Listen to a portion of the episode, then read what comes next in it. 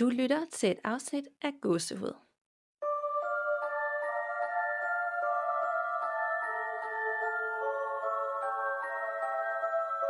Hej Nana, Hej Danika. og velkommen til lytterforretningsafsnit, Jubi. hvor vi læser jeres lytterforretninger op og øh, snakker om dem og skræmmer hinanden og jer Ja. derude Nemlig. og får et godt gys. Ja. Så øh, det skal vi til, men inden vi hopper til de alt seks lytterforretninger, vi har med, så, øh, så er vi ret glade, fordi vi har netop bestilt billetter til No Sleep Podcast live Ja. i København. Jeg glæder mig sindssygt meget til det. Ja. Og øh, vi har snakket om det længe, at det gad vi godt. Ja. Men der er ikke rigtig nogen af os, der har lyttet så meget til No Sleep. Nej, underligt Podcast. nok. Ja. Fordi vi var lige inde og søge på det, og det er åbenbart et af de mest, øh, hvis ikke det mest populære Ja. horror podcast i verden. Ja. Så øhm, jeg kender kun til det, fordi jeg har lyttet meget til det der Let's Not Meet, Ja. hvor en af dem øh, er med i nogle afsnit til at læse nogle historier op. Og øh, ja, så det skal vi den 26. januar. Og det bliver så fedt. Jeg glæder Ja. mig virkelig meget. Og det er jo faktisk, det vil sige, når det her afsnit udkommer, så har vi jo været afsted. Ja. Så jeg vil lige give en update på, om det var fedt. Ja, det skal det nok blive. Ja. Og Det, det tænker jeg også. Det foregår inde på øh, Hotel Cecil, som Ja. er det Det gamle, gamle jazzhouse, ja. Ja. Og det er en gammel, gammel bygning, jeg vi lige kunne se frem til, så vi forventer, at, øh, at vi bliver ekstra spooked bare alene ved tanken om, at der må være nogle ånder og Præcis. energier derinde. Ja, nemlig.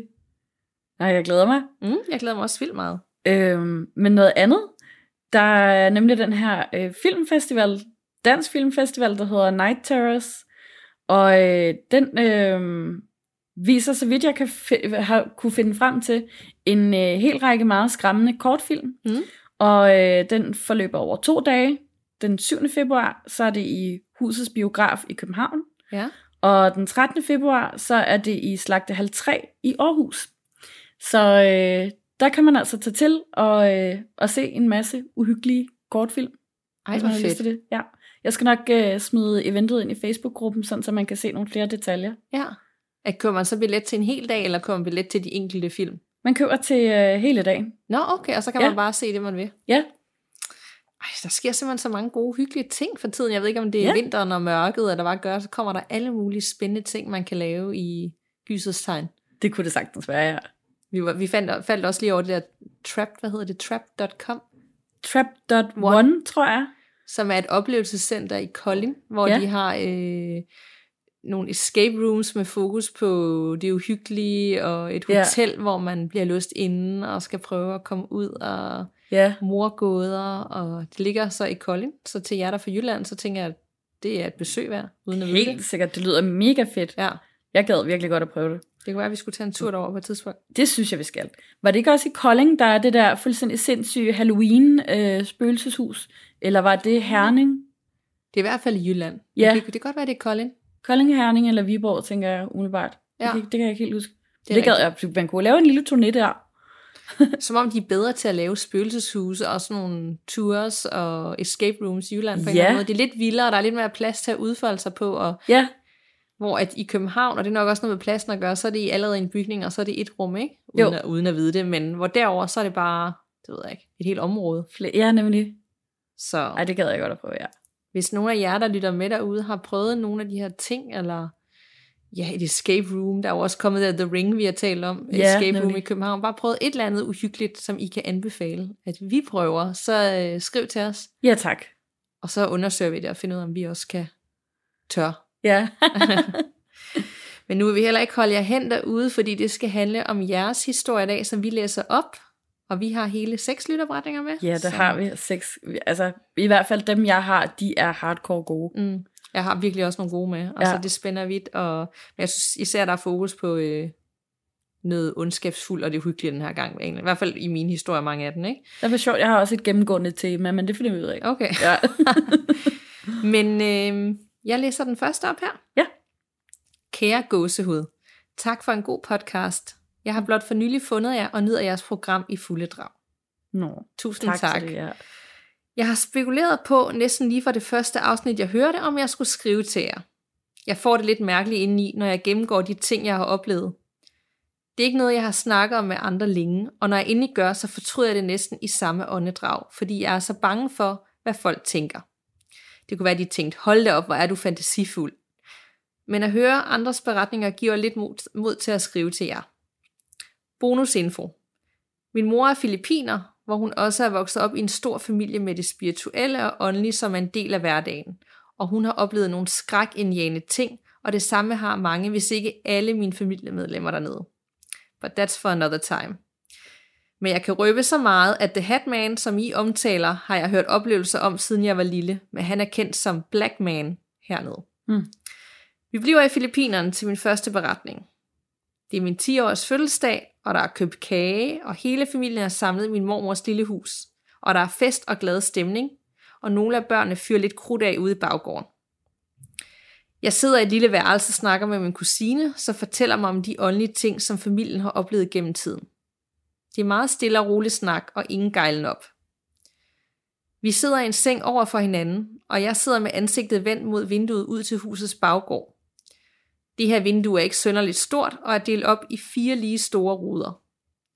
Af en eller anden grund kigger jeg ud af vinduet, selvom det er helt mørkt udenfor, og jeg ser et ansigt i øverste højre rude. Jeg affejer det med fantasi og kigger væk igen, men jeg bliver draget af vinduet og må kigge kort efter igen. Ansigtet er der stadigvæk. Mere tydeligt end før, og har et skrækkeligt grinesmil plastret på ansigtet. Det er en mand, som er fra en anden tid.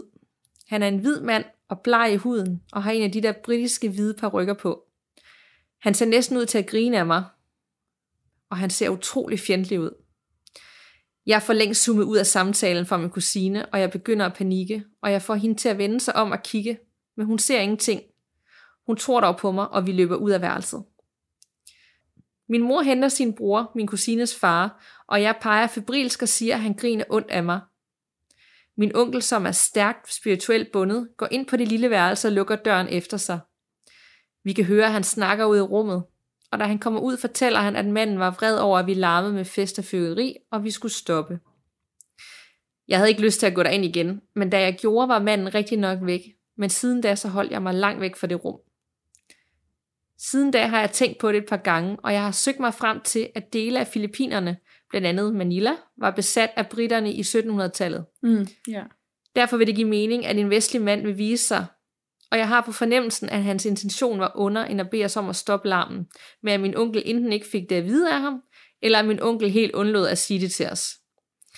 Klam var det i hvert fald, og Manila er helt sikkert et sted med mange ånder.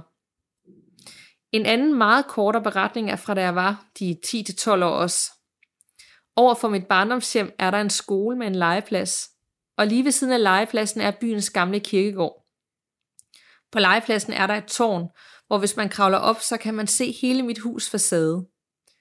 Jeg var sammen med min og da vi sad deroppe i tårnet og kiggede over på mit hus, så så vi det samme. En voksen, skyggeagtig mand gik med langsom skridt, men samtidig bevægede sig han sig hurtigt for vejen og ind i huset og forsvandt. Vi skyndte os hjem, men der var ingen gæster kommet, eller andre rationelle grunde til, at vi så det, vi så. Jeg mindes ikke, at vi sagde det til vores forældre, men jeg tænker på det en gang imellem.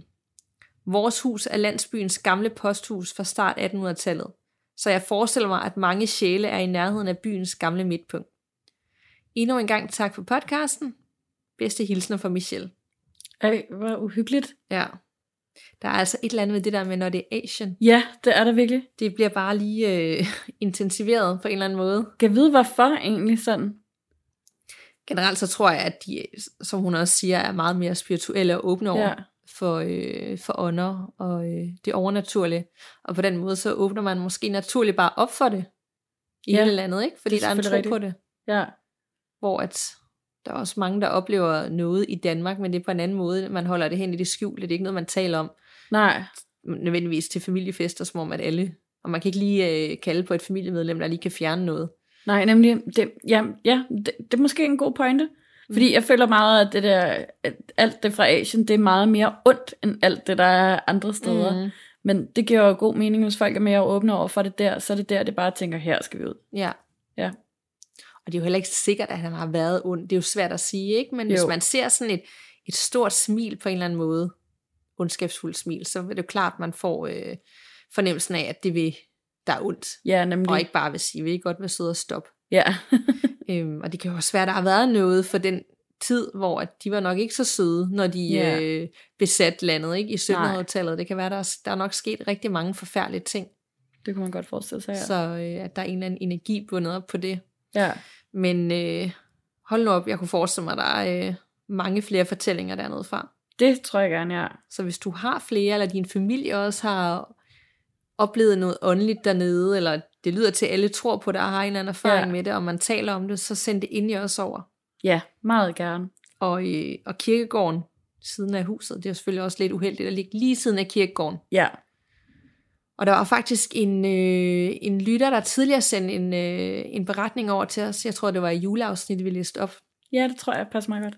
Og hun svarede tilbage med øh, tak, fordi at øh, den kom øh, i afsnittet. Og øh, at hun lige vil svare på det spørgsmål, for vi havde stillet spørgsmål. Hvorfor, hvordan er det egentlig på kirkegård? Hvorfor er det egentlig, at man aldrig har nogle beretninger derfra? Tror ja. vi spurgte. Og der sagde hun, at hun kendte en eller anden, der var klaverjant, der sagde, at ånder lever af de levendes energier. Og på en kirkegård er der jo ikke rigtig, der er alle jo døde. Ja, Så de, øh, der er derfor, der ikke er ret mange øh, oplevelser på kirkegård. okay, det giver jo mening. Til gengæld, så husene, der ligger siden af kirkegården, søger de jo, har de tendens til at søge hen imod. For det er jo det tætteste på. Aha, okay. Så er det jo sjovt, eller det er jo ikke ret sjovt, men Nej. når, når hun så siger, at de har set en mand, eller skyggeagtig menneske, gå fra kirkegården hen mod huset, så giver Ja. det jo god mening, at Ja, de søger hen imod der, hvor der er liv og energi, og de ligesom kan, ja, kan leve af. ja. ja, kan leve af på en eller anden måde. Det lyder Ej, lidt ulækkert. Det giver da mega god mening. Ja. Det vil sige, at der må være rigtig, rigtig mange hjemsøgte præstegårde rundt omkring i landet. Mm, Det skal vi have researchet på. ja. Jeg synes i hvert fald også, det giver mening. ja. Så øh, der blev vi klogere. Så tak for det. Ja, tak for det tip. Så ja, og Ja. du har også en. Det har jeg. Øh, jeg har en fra en anonym lytter her, som skriver, Kære Danica og Nana. Først vil jeg lige sige tak for en mega uhyggelig podcast. Jeg opdagede den for et par uger siden, da jeg gik og arbejdede, og jeg er vild med det, I laver. Tusind tak Tusind for det. tak. Jeg vil gerne dele en historie med jer. Lytteberetningen og jeres personlige oplevelser har givet mig mod på at skrive min oplevelse ned og dele den med jer. Denne her historie har jeg aldrig fortalt til nogen af frygt for at blive kaldt skør. Men fordi jeg nu kan fornemme, at der er flere, der har haft de her underlige og uforklarlige oplevelser, tør jeg for første gang skrive og dele min. Så here goes. For efterhånden en del år siden skulle jeg og min daværende spejdergruppe på vores allerførste udenlandske spejderlejr langt op i Nord-Norge. Jeg har på det tidspunkt været omkring 15-16 år gammel. Vi glæder os alle sammen enormt meget, og humøret er højt, da vores fine og tætpakkede minibus kører mod nord. Det er en meget lang tur, så derfor har vores spejderleder arrangeret, at vi skal sove en enkelt nat på en lokal skole i en lille by på vej derop. Da det er rigtig mange år siden, og jeg har fortrængt det meste fra turen derop, kan jeg desværre ikke huske, hvad byen eller skolen hed. Men vi ankommer til skolen og bærer vores vigtigste ting og vores sovegrav grej med indenfor. Jeg husker, at jeg synes, at stedet virkede enormt skummelt, og at jeg med det samme, vi ankom, fik en følelse af at være utryg der. Jeg prøver at gemme følelsen lidt væk og nyde, at vi er der sammen, og har en hel skole for os selv og bare skal hygge os og have det sjovt. Vi går rundt indenfor på skolen for at finde ud af, hvor vi kan gå på toilettet og hvor vi kan komme i bad. Det er så alt sammen helt nede i kælderen. Og det er ikke lige frem sådan en hyggelig skolekælder, som er fint pyntet med billeder og farver på væggene, nej nej. Det er bare sådan en helt kold, klam kælder med hvide slitte vægge. Generelt bare en total kedelig oplevelse. Jeg husker, at jeg meget hurtigt blev enig med mig selv om, at hvis jeg skulle tisse i løbet af natten, så ville jeg ikke engang turde gå derned, selvom nogen gik med mig. Så allerede der besluttede jeg mig for, at jeg måtte holde mig, hvis det skulle ske. Nå, men det bliver sent på aftenen, og efter nogle rigtig uhyggelige hyggelige timer, bliver vi enige om, at øh, det er blevet sengetid. Jeg får igen følelsen af at være utryg, og synes, at stedet er virkelig uhyggeligt. Jeg prøver alligevel at lukke mine øjne for at få noget søvn. Det skal lige siges, at jeg virkelig ikke ved, hvad det er, der er sket herefter, om jeg har været søvnparalyse, men jeg håber, at I bagefter måske kan kaste lys på det, og måske give jeres bud på, hvad det kunne have været, der er sket. Jeg vågner noget tid senere, fordi jeg fryser helt vildt, og jeg kan huske, at jeg ikke havde lyst til at åbne øjnene. Da jeg åbner øjnene alligevel og kigger over for at se, om de andre sover, sidder der to gamle damer med kridhvidt, slidt, langt hår. De havde kridhvide øjne med bitte små sorte pupiller. De sidder i en stilling, som jeg den dag i dag ikke stadig ikke kan beskrive, men det var nærmest som om de sad på huk og så alligevel ikke. De smiler rigtig skummelt, mens de kigger på mig. Jeg er fuldstændig frosset fast, og jeg kan ikke bevæge mig. Mit hjerte hamrer ud af, og jeg føler mig virkelig, virkelig bange. Jeg kan stadig ikke bevæge mig. Den ene dame rækker hånden ud og laver den der kom her bevægelse med sin pegefinger. Nøjagtigt som taget ud af en gyserfilm. Er det ikke creepy? Jo. Ja. Jeg er så bange, at jeg lukker mine øjne igen. Jeg tror på det her tidspunkt, at det bare er et meget, meget slemt mareridt. Men da jeg lukker mine øjne, føles det pludselig som om, jeg ikke kan åbne dem igen. Jeg bruger alle mine kræfter på at prøve at åbne mine øjne igen, men det er som om min øjenlåg bare bliver mere og mere tunge, og jeg kan simpelthen ikke få øjnene op. Det er svært for mig at forklare det her, fordi jeg ikke ved, hvordan jeg skal beskrive det. Men det føles som om, der er noget, der hiver i mine øjne, eller som om de bare bliver suget længere og længere ned i mit baghoved. Ligesom når man er virkelig træt, og øjnene bare bliver tungere og tungere. Men her føles det bare endnu vildere. Det er sådan, jeg bedst kan beskrive det. Det klammeste ved den her oplevelse er, at jeg faktisk får en følelse af, at hvis jeg ikke åbner mine øjne nu, så dør jeg. Bogstaveligt talt, det føles som om noget suger livet ud af mig. Og jo tungere min øjenlåg og min krop bliver, jo sværere er det for mig at kæmpe imod og faktisk åbne mine øjne. Jeg kæmper med alle kræfter og al energi i min krop for at åbne mine øjne, og til sidst får jeg endelig åbnet dem. De to uhyggelige damer er forsvundet. Mine venner sover, og der er helt stille. Jeg føler mig helt tom indeni og fuldstændig drænet for energi. Jeg er så skræmt og tør på ingen måde falde i søvn igen. Jeg begynder bare at græde og føler mig virkelig enormt ked af det, fordi jeg på ingen måde kan beskrive eller forstå, hvad det er, der lige er sket. Intet af det giver mening. Jeg falder dog alligevel i søvn langt om længe, og da jeg vågner, er jeg den første til at pakke mine ting og sætte mig ud i bussen. De andre spurgte mig, om der var noget galt, og jeg husker, at jeg bare sagde, at jeg havde haft et mareridt om natten, og derfor var jeg lidt underlig humør. Resten af turen forløber sig heldigvis rigtig godt, og vi har en dejlig spejderlejr med vores norske, norske venner. Jeg synes selv, at det lyder fuldstændig sindssygt det hele. Mest på grund af den følelse af, at jeg skulle dø. Det er grunden til, at jeg aldrig har fortalt det til nogen. Jeg har prøvet så godt jeg kunne at beskrive det, men alligevel føler jeg ikke rigtigt, at jeg rammer det helt præcist sådan, som det var, i forhold til, hvordan jeg oplevede. Bare det at skrive det ned her, gør mig rigtig ked af det og bange, fordi jeg stadig ikke kan forstå, hvad der egentlig skete. Jeg kan bare huske, at jeg på vej hjem håbede og bad til, at vi ikke skulle sove der på hjemturen. Og det skulle vi heldigvis ikke. Så kære Danika og Nana, tak fordi I ville læse med. Jeg håber, at virkelig I kan hjælpe mig med at få closure, og måske give jeres bud på, hvad det kan være, der skete den nat. Jeg er 26 år gammel i dag, og jeg håber aldrig, jeg oplever det igen. Jeg har lidt andre beretninger og oplevelser til jer en anden gang, hvis I er interesseret. Kram til jer. Hold op. Ja. Ej, det var, man kunne nærmest, altså jeg, for det første synes jeg, nu ved jeg ikke, hvordan det var, at det var rigtig godt beskrevet. Altså det var ligesom, om man var ja. der selv, og man kunne nærmest sådan se de her triste, gamle bygninger og slidte vægge, og forestille ja. sig lokalet, de sov i, hvor der bare ikke var noget, der sådan emmede af liv, eller ja. tegnet på, der var liv ellers. Det var bare dødt og trist. Og, ja. ja. Og så den der følelse, altså jeg, jeg kunne genkende alle følelserne mm. i det, Øhm, det her med at føle, at hvis ikke jeg åbner øjnene nu, hvis ikke jeg bevæger mig nu, så dør jeg. Den mm. har jeg også haft rigtig mange gange i mine søvnparalyser. Ja. Det er så ubehageligt. Og, og den der følelse, hun beskriver med øjnene, der bare ligesom falder længere og længere ind i hovedet, og bliver tungere og tungere, og man kan ikke åbne dem.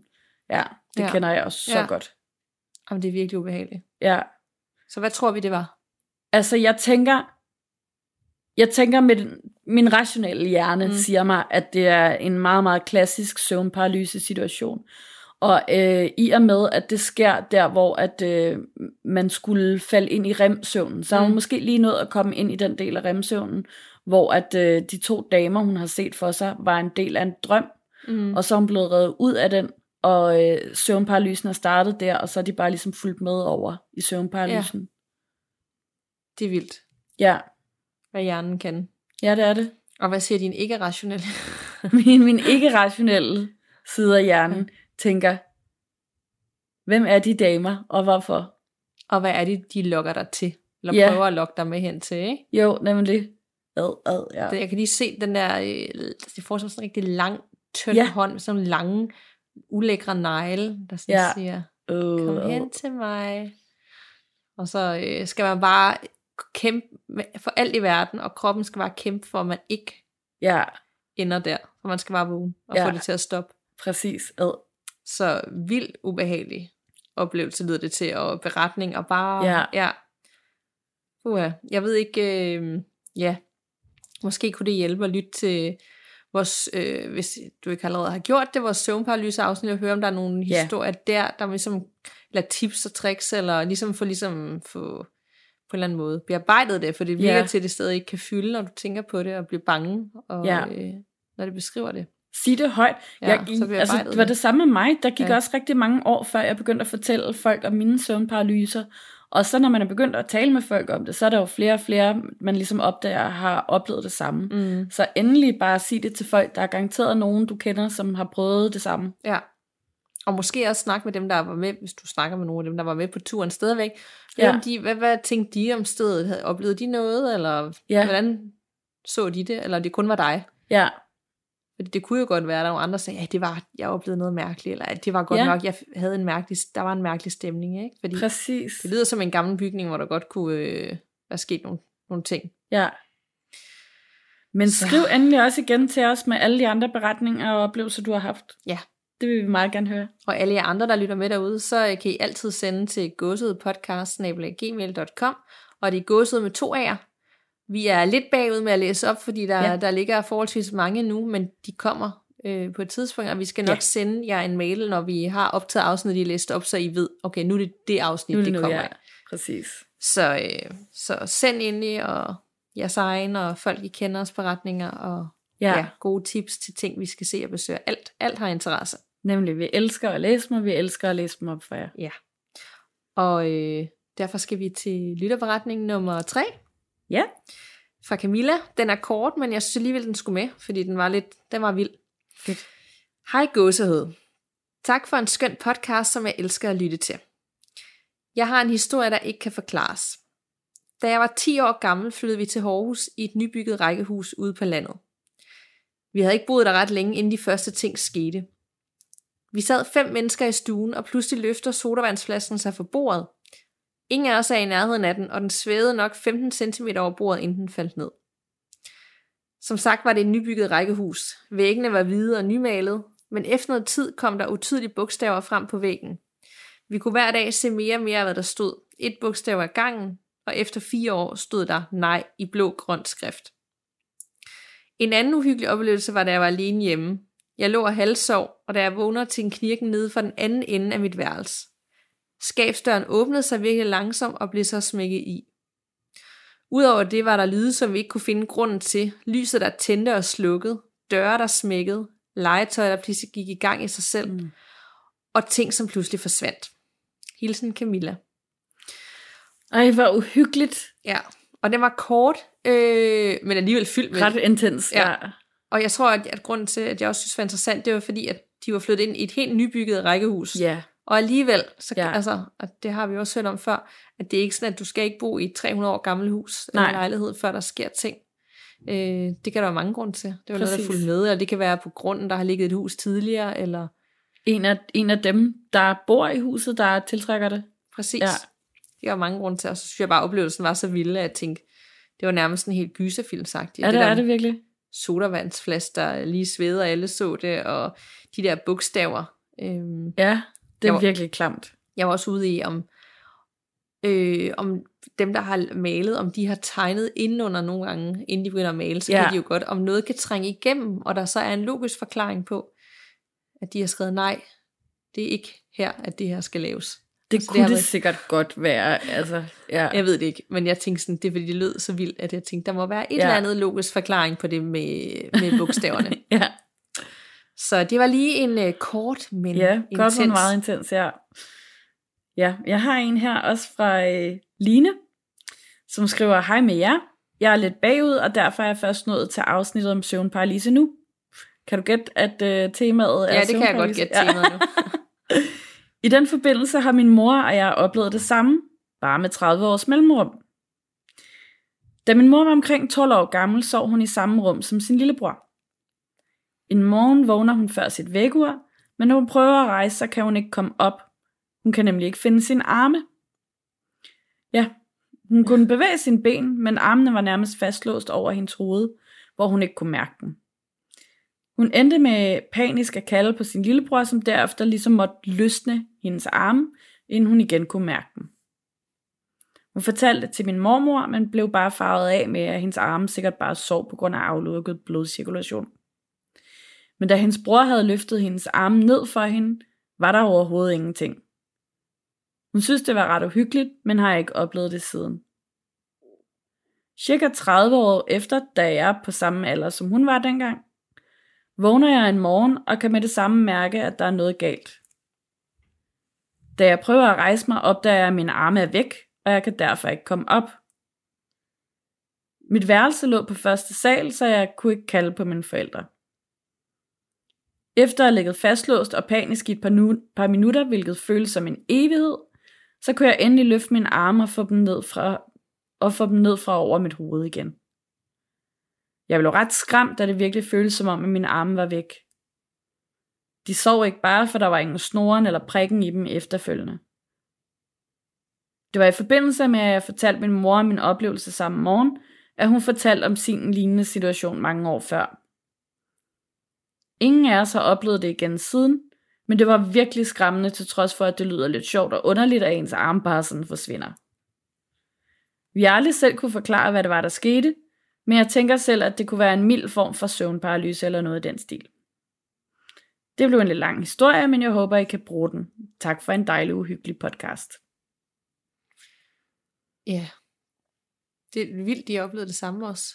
Ja, det, det er også det, fordi jeg, jeg, først så tænker jeg nemlig også noget med, at man har ligget i en forkert stilling, og så er blodcirkulationen blevet lukket af for.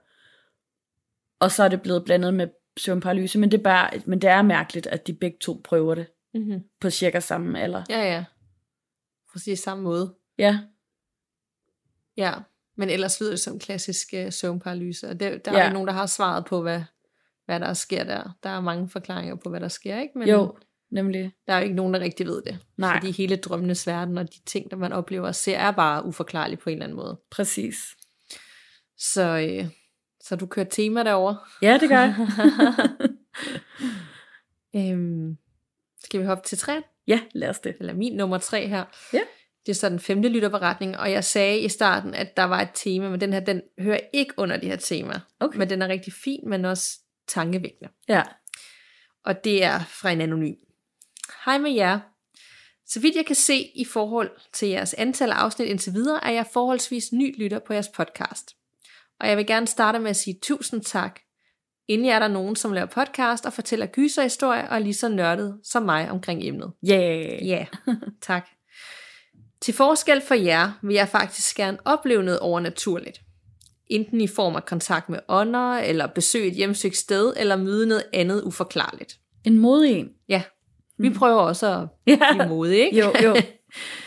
Til trods for, at begge mine brødre har oplevet noget, og min eksmands hus er hjemsøgt, og han har set skygger ude foran vinduet, mens jeg har været på besøg, har jeg endnu ikke selv hverken set, oplevet eller mærket nogen former for åndelig tilstedeværelse, desværre. Men jeg fortæller gerne deres beretninger, hvis I skulle være interesseret. Ja, tak. Ja, meget gerne. Jeg har da selv været udsat for en ting, som ingen har kunne forklare. Og det er verificeret af både mine forældre og mine veninder, som alle vil kunne stå inden for det, jeg fortæller jer nu. Som ung har jeg aldrig kunne fordrage børn. Jeg gik altid en stor bue udenom den, og jeg holdt mig på så lang afstand som muligt. Min familie er meget stor, og i mine teenageår begyndte størstedelen af mine fætter og kusiner nærmest at spytte børn ud på stribe. Jeg havde vores familiefester, specielt fordi de alle sammen altid skulle være på mit værelse, fordi jeg altid har haft så mange dyr omkring mig. Jeg har altid sagt, at jeg aldrig skulle have børn, og jeg frygtede den dag, hvor mine brødre ville få nogen. i tilfælde af, at jeg ikke engang kunne holde dem ud. Ja, det var så slemt. Åh. En dag, da jeg sad foran min computer på mit værelse hjemme hos mine forældre, så oplevede jeg noget fuldstændigt uvirkeligt. Jeg kan ikke genfortælle 100% hvordan oplevelsen var, eftersom det hele skete på et splitsekund. Men det var som om, at jeg var et helt andet sted, hvor jeg på en eller anden måde havde fået klarsyn. Selvom jeg ikke ved, hvad det var, eller kan huske, hvordan det så ud, så ved jeg med sikkerhed, at jeg i det øjeblik havde befundet mig et helt andet sted, og på en måde efterladt min fysiske krop, og jeg sad fuldstændig lamslået tilbage i kontor, kontorstolen og bare stirrede frem i skærmen. Det jeg så eller fik fortalt, eller whatever det var, det var, at når jeg blev 26 år, så ville jeg få en søn. Jeg var rasende. Det var så livagtigt og var så ægte, at jeg blev nødt til at dele min frustrationer med nogen. Jeg styrtede ud til min mor og fortalte, hvad der var sket, og jeg var helt oprevet. Min mor, mor prøvede at berolige mig og sagde, at der stadig var 8 år til, så måske jeg lige skulle klappe hesten. jeg var 18 år på daværende tidspunkt. Da jeg efterfølgende kom i skole, fortalte jeg det til gymnasieveninderne, som jeg alle stadig snakker rigtig godt med den dag i dag. De var helt sikre på, at jeg ikke skulle tænke for meget over det, og jeg nok bare havde dragdrømt lidt i min egen verden. Da jeg blev 20 år, fandt jeg sammen med min tidligere kæreste igen. Efter cirka 6 år, hvor vi har været fra hinanden. Han ville rigtig gerne have børn en dag, og eftersom tiden gik, tænkte jeg da også, at jeg nok ville få den søn med ham, hvilket jeg også fortalte min mor. Men efter fire år forsvandt min følelser fra ham, og vi endte med at gå fra hinanden. Tre måneder senere fyldte jeg 25. Jeg var helt sikker på, at nu ville det ikke komme til at ske, og jeg åndede på en måde lettet op. Jeg udlevede efterfølgende min drømme en hel del, og havde det vilde liv, hvor jeg gjorde præcis, hvad der passede mig. På godt gammeldags dansk kan man sige, at jeg fik løbet hornene af mig. For det må kvinder altså også gerne. Ja, vi må. Ja.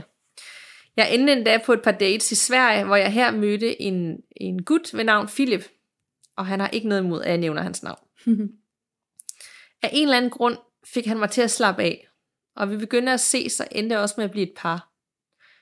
Kun seks måneder senere går jeg nogle dage over tiden, og min graviditetstest siger positiv. Philip havde et brændende ønske om at blive far, og han blev meget glad. Jeg sagde til ham, at hvis vi valgte at beholde barnet, ville det blive en dreng. Men det sagde han, at jeg da ikke kunne sige allerede. Da jeg fortalte min mor og min veninder, at jeg var blevet gravid, var deres første kommentar. Så må vi se, om det bliver en dreng. I en alder af præcis 26 og et halvt år fødte jeg vores søn Malte, som bliver to år her til februar 2020. og Philip er den eksmand, jeg nævnte tidligere. Vi har det stadig rigtig godt sammen, men indså, at alt mellem os var gået for stærkt, og vi derfor havde brug for tid og afstand fra hinanden. Hvor, man kunne komme til, hvor han kunne komme tilbage til Sverige, for han havde svært ved at tilpasse sig Danmark. Vi har det bedste samarbejde, og vores søn, søn stortrives. Samme stærke følelse, som jeg havde omkring min søn, har jeg også omkring mine fremtidige børn. Jeg ved, at jeg vil få en dreng mere og en pige til sidst. Hvornår det sker, aner jeg dog ikke den her gang, men jeg er til gengæld ikke så meget i tvivl om, at det nok kommer til at ske. Og efter jeg fik min søn, har min følelse vendt 100%, og den dag i dag er jeg meget glad for børn, og elsker, at vi valgte at få ham den gang. Om det var meant to be, det ved jeg ikke, for jeg så ikke, at han skulle blive halvt svensk, og hans søskende muligvis heller ikke ville blive hele søskende. Det gik i hvert fald for stærkt mellem, mellem mig og hans far til, at vi kunne rumme det. Men nu her et års, efter et års adskillelse er vi stille og roligt ved at finde hinanden igen. Måske gik der for lang tid før vi fandt hinanden, fandt hinanden end hvad der var mening, og derfor skulle det ske lidt tæt med vores søns ankomst. Jeg tror ikke på skæbnen, så det tvivler jeg dog på. Men jeg tror helt bestemt, at jeg fik noget at vide den dag som 18-årig, som viste sig at være sandt. Nu må vi se, om jeg i fremtiden vil få mig endnu en søn og en datter. Nu har jeg i hvert fald også sagt det til jer, så der er endnu flere, der kan bekræfte dette, hvis det også skulle vise sig at blive sandt. Stay tuned. Med venlig hilsen, Katrine.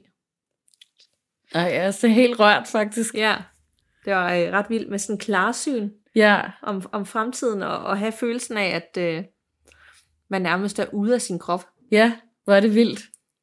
og ligesom bare kan se, det, og ikke er i tvivl om, Ja, for det er så livagtigt, at det er det, der skal ske på Ja. en eller anden måde, ikke? og nærmest går og venter på den dag, og tænker, "Nå, men så må det være med ham, Nå, men det bliver ikke til noget, nej, okay.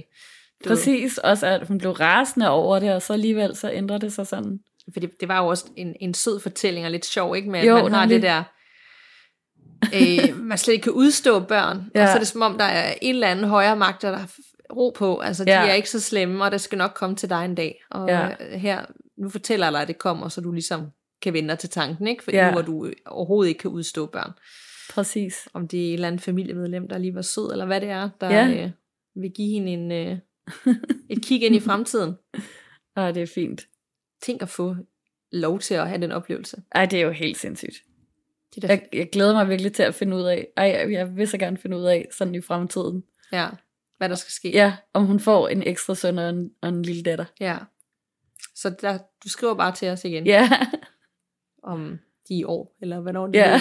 du sker, ikke? ja, Så er vi klar til at følge op på, øh, på historien, ikke? Ja, nemlig. Der var også lidt love story over det, så det Ja, blev det sådan lidt et, øh, en mix af det hele. Ja, ej, den var så, virkelig øh, god. Ja, så den var rigtig god. Og Ja. vi har jo også øh, endnu en, vi Vi skal har slutte af på. en rigtig hæftig en, ja. En hæftig en, uh. Ja, øh, fra Julie Ida, som skriver, kære gåsehuder og kære Danica og Nana. Jeg lider af søvnparalyser, og jeg mener virkelig lider. Første gang jeg blev paralyseret, var da jeg var 12 år gammel.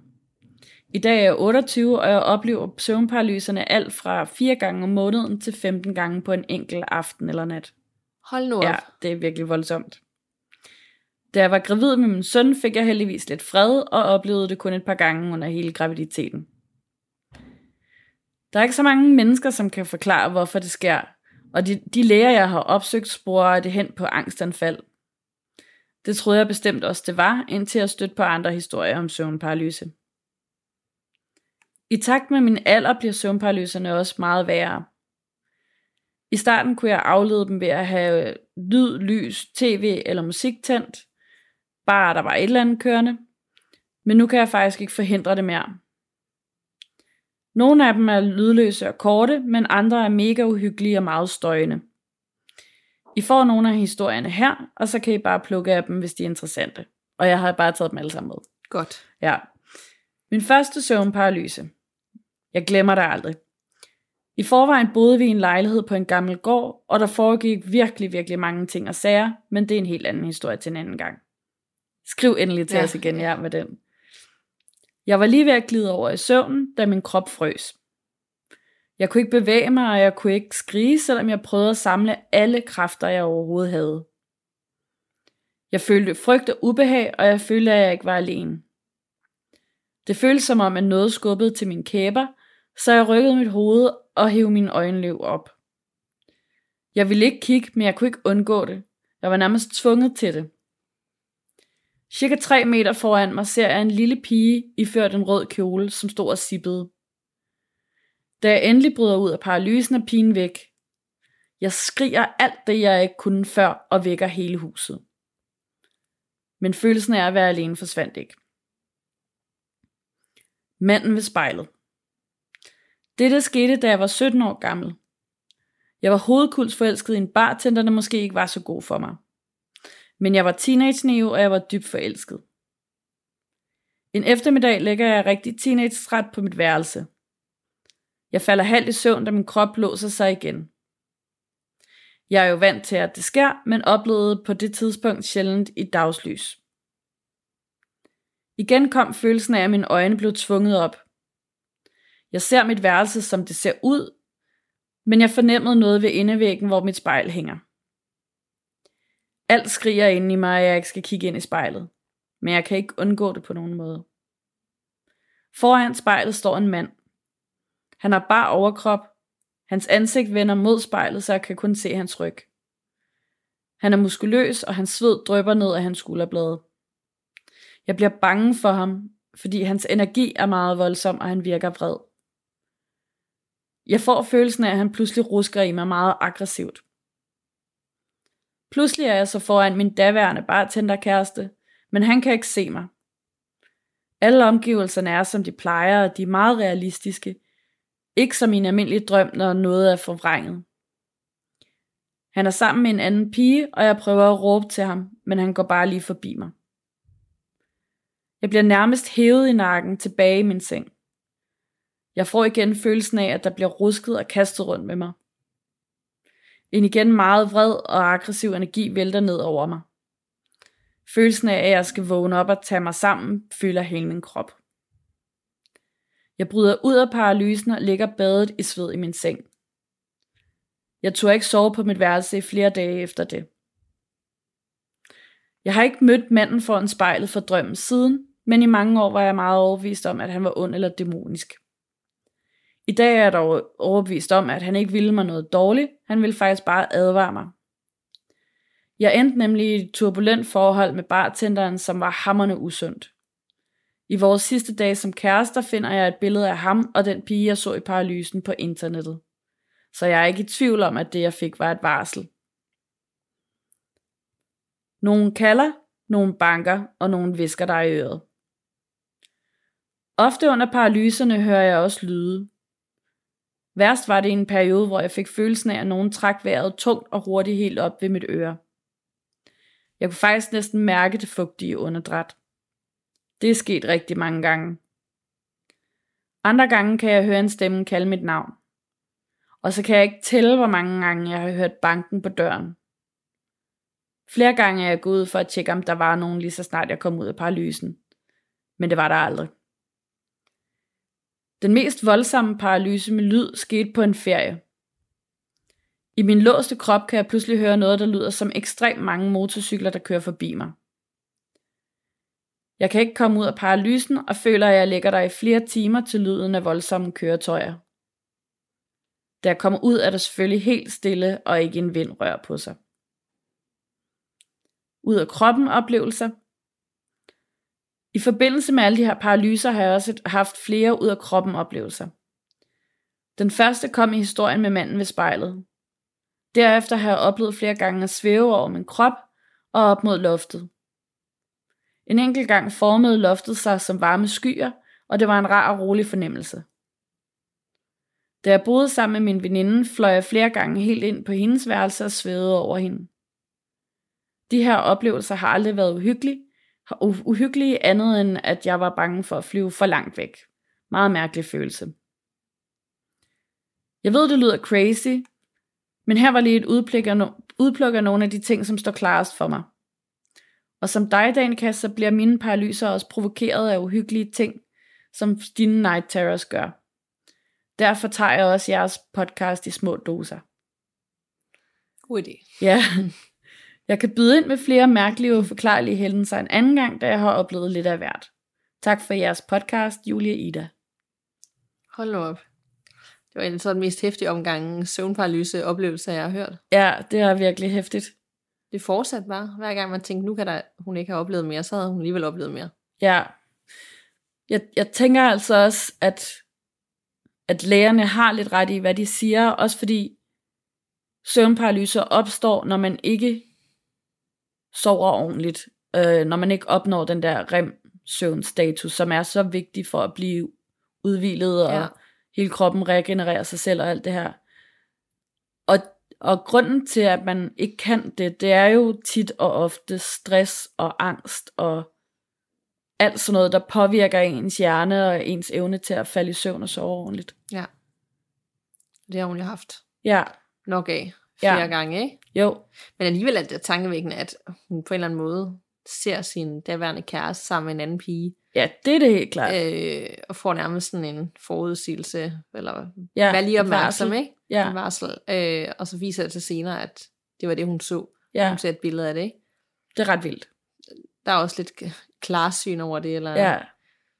Så det må om andet, altså være noget overnaturligt, tænker jeg. Ja. Det må det være. Ja. Det er måske også svært at skille, når det foregår om natten, og man er lidt træt. Hvornår er det sumperalyse? Hvornår oplever man noget? Og hvornår, og det hele kan jo flyde sammen, ikke? Jo. Så det kan være svært at adskille. Men det, var, det var også igen det der, som jeg bliver ved med at vende tilbage til, når vi snakker søvnparalyse. Der er, sådan, der er hele den her store øh, videnskabelige forklaring på det hele, som giver fuldstændig mening, og som mm. er 100% rigtig. Men så er der også bare alle de der mystiske ting ved det, som hvorfor er det, man stort set altid ser det samme. Ja. Hvorfor er det, jeg oplever det samme? ja. som en anden, præcis det samme, Ja. samme alder. Og de her, de har vist sig at være rigtig efterfølgende, ikke? Jo. Så der var mange ting, der ikke kan forklares. Nemlig, ja, det er virkelig underligt. Øhm, og jeg, jeg tænker, det er en god idé, det der med at, at få uhyggelige ting ind i små doser, om det er godsighed podcast, eller det er gyserfilm, eller hvad. Hvis man ved, der er noget, der fremprovokerer det, Ja, så, så prøv at holde det, gør det på et andet tidspunkt, eller præcis. gør det i mindre grad. Nemlig, og så tænker jeg også, prøv at arbejde med altså fremme søvnen selv også. Prøv at meditere, prøv at sørge mm. for, at Mm. du slapper af og, og skabe rigtig god space for, at du kan få sovet ordentligt. Ja. Der er helt sikkert også noget, især hvis den er trigget af angst, så er der helt sikkert også noget selvforstærkende ved det, at du er angst for at få de her Ja. paralyser, og så bliver det bare værre og værre og værre. Ja, ja. 100 procent, det tror jeg også. ja. Men det er også svært, hvordan man skal arbejde med den angst omkring det, eller frygt for det. ja det Hvordan det. skal man komme ud af det? Der skal man jo så prøve at gøre det her, som en af vores andre lyttere gjorde, med at forestille sig, at det er... Lækre mænd. Ja, nemlig. det er Magic Mike show. ja, præcis. ja, det, kunne være fedt. det kunne det. Så, øhm, så lige et par gode tips at slutte af på, og en, og en. Ja. meget hæftig øh, søvnparalyseberetning. Og I Ja. bliver bare ved med at sende jeres søvnparalyseberetninger ind, for Ja. vi er så mange, der har prøvet det. Nemlig. Og nogle øh, mere end andre, og så føler man lidt, at man ikke står alene med det hele. At øh, jeg er Ja. den ikke, ikke den eneste, der har prøvet det her mærkelige noget. Vi er faktisk mange, der har, er i samme båd. Præcis. Så fortsæt endelig med det. Ja, tak. Og så kom vi igennem seks lytterforretninger. Ja, Man kunne fortsætte og fortsætte og fortsætte, ikke? Men øh, helt vi sikkert. gemmer også nogen til Det næste gang. ja, og næste gang og næste gang igen. Præcis. Så øh, og husk derude og anmode om at blive medlem af den private Facebook-gruppe. Ja, Vi godkender straks. Der er godt gang i den. Vi er over 2.000 nemlig. medlemmer nu. Der bliver delt alle mulige links og uhyggelige billeder og Ja, skøre ting på den blå avis, man kan købe, som man Ja. nok ikke burde købe, som Nemlig. 100% er hjemsøgt og alt ja. muligt fedt. Og vi har en Instagram-side, der er kommet godt gang i, og den Ja. hedder også bare Godset Podcast, og nemlig. der fortæller vi også øh, om nye afsnit, og inden det nye afsnit, så øh, plejer vi at dele en teaser om, hvad det skal handle om, så Ja. man kan gætte med og på stories, og vi laver, kommer også til at lave stories fra øh, det der No Sleep Det gør vi podcast nemlig, ja. på Hotel Cecil, vi skal til. Ja, Så følg med, og øh, ja, så bliver vi rigtig glade. det gør vi nemlig. Tak for snakken. Ja, i lige måde. Vi lyttes ved, og pas på derude. Man ved jo aldrig, hvad der venter bag den næste dør.